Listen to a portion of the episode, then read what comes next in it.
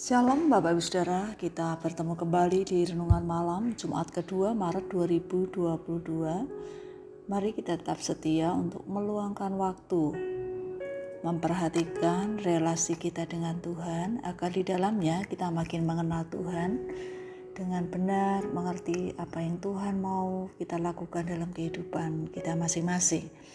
Sebelumnya kita berdoa mohon pertolongan Tuhan. Bapa yang di surga, kami bersyukur untuk kasih setia Tuhan yang sudah kami alami dalam kehidupan kami. Di hari ini, terima kasih untuk pertolongan Tuhan yang sudah memampukan kami untuk melewati kehidupan di hari ini. Saat ini ya Tuhan, kami akan membaca dan merenungkan sebagian dari kebenaran firman-Mu. Kami mohon Roh Kudus Tuhan membuat kami dapat memahami dengan benar apa yang Tuhan mau untuk kami pahami dan melakukannya dengan benar sesuai dengan yang Tuhan kehendaki.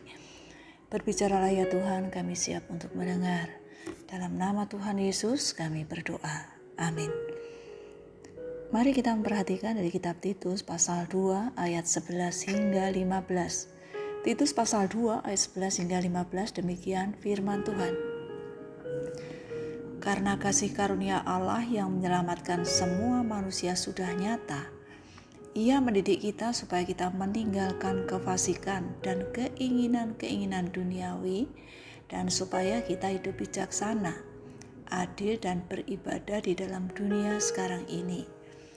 Dengan menantikan penggenapan pengharapan kita yang penuh bahagia dan penyataan kemuliaan Allah yang Maha Besar dan Juru Selamat kita, Yesus Kristus, yang telah menyerahkan dirinya bagi kita untuk membebaskan kita dari segala kejahatan dan untuk menguduskan bagi dirinya suatu umat kepunyaannya sendiri yang rajin berbuat baik. Beritakanlah semuanya itu, nasihatilah dan yakinkanlah orang dengan segala kewibawaanmu. Janganlah ada orang yang menganggap engkau rendah setiap manusia ingin diselamatkan, oleh karena itu manusia berusaha dengan berbagai macam cara untuk mendapatkan keselamatan itu. Tetapi manusia tidak mengetahui bahwa apa pun yang dilakukan adalah hal yang sia-sia. Firman Tuhan memberitahukan, karena kasih karunia Allah manusia diselamatkan. Hal ini memberitahukan dengan jelas bahwa manusia tidak dapat menyelamatkan dirinya sendiri dari hukuman dosa. Ketika manusia menerima kasih karunia Allah, menerima keselamatan, bukan berarti memiliki kebebasan berbuat apa saja, tetapi perlu dengan rendah hati menerima didikan Allah menerima pengajarannya, sehingga ada perubahan dalam berpikir maupun dalam perbuatan untuk memuliakan Allah. Bukan hanya mau menerima keselamatan, tetapi menolak, mengabaikan yang Allah katakan melalui firman-Nya. Karena kasih karunia Allah, Ia mendidik kita supaya meninggalkan kefasikan dan keinginan-keinginan duniawi. Artinya supaya kita meninggalkan perbuatan-perbuatan yang tidak diinginkan Allah, tetapi melakukan yang dikendaki Allah. Dia mendidik kita supaya meninggalkan dosa-dosa kita, menyadarkan kita agar melakukan yang benar, hidup bijaksana, adil, dan rajin beribadah ada perubahan-perubahan yang nampak.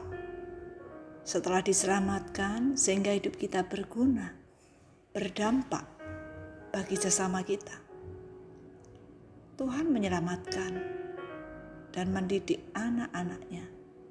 Tuhan juga mau supaya kita memberitakan pada sesama siapakah Allah yang telah menyelamatkan kita. Siapakah juru selamat itu? Oleh karena itu, marilah kita menggunakan kesempatan dengan benar dalam memberitakan kasih Allah. melalui perkataan maupun perbuatan kita sehari-hari. Tuhan menolong kita untuk menjadi duta-duta Allah, pemberita-pemberita kebenaran firman Allah bagi sesama kita. Mari kita berdoa. Bapa yang di surga, kami bersyukur Engkau menyelamatkan kami dari hukuman kekal.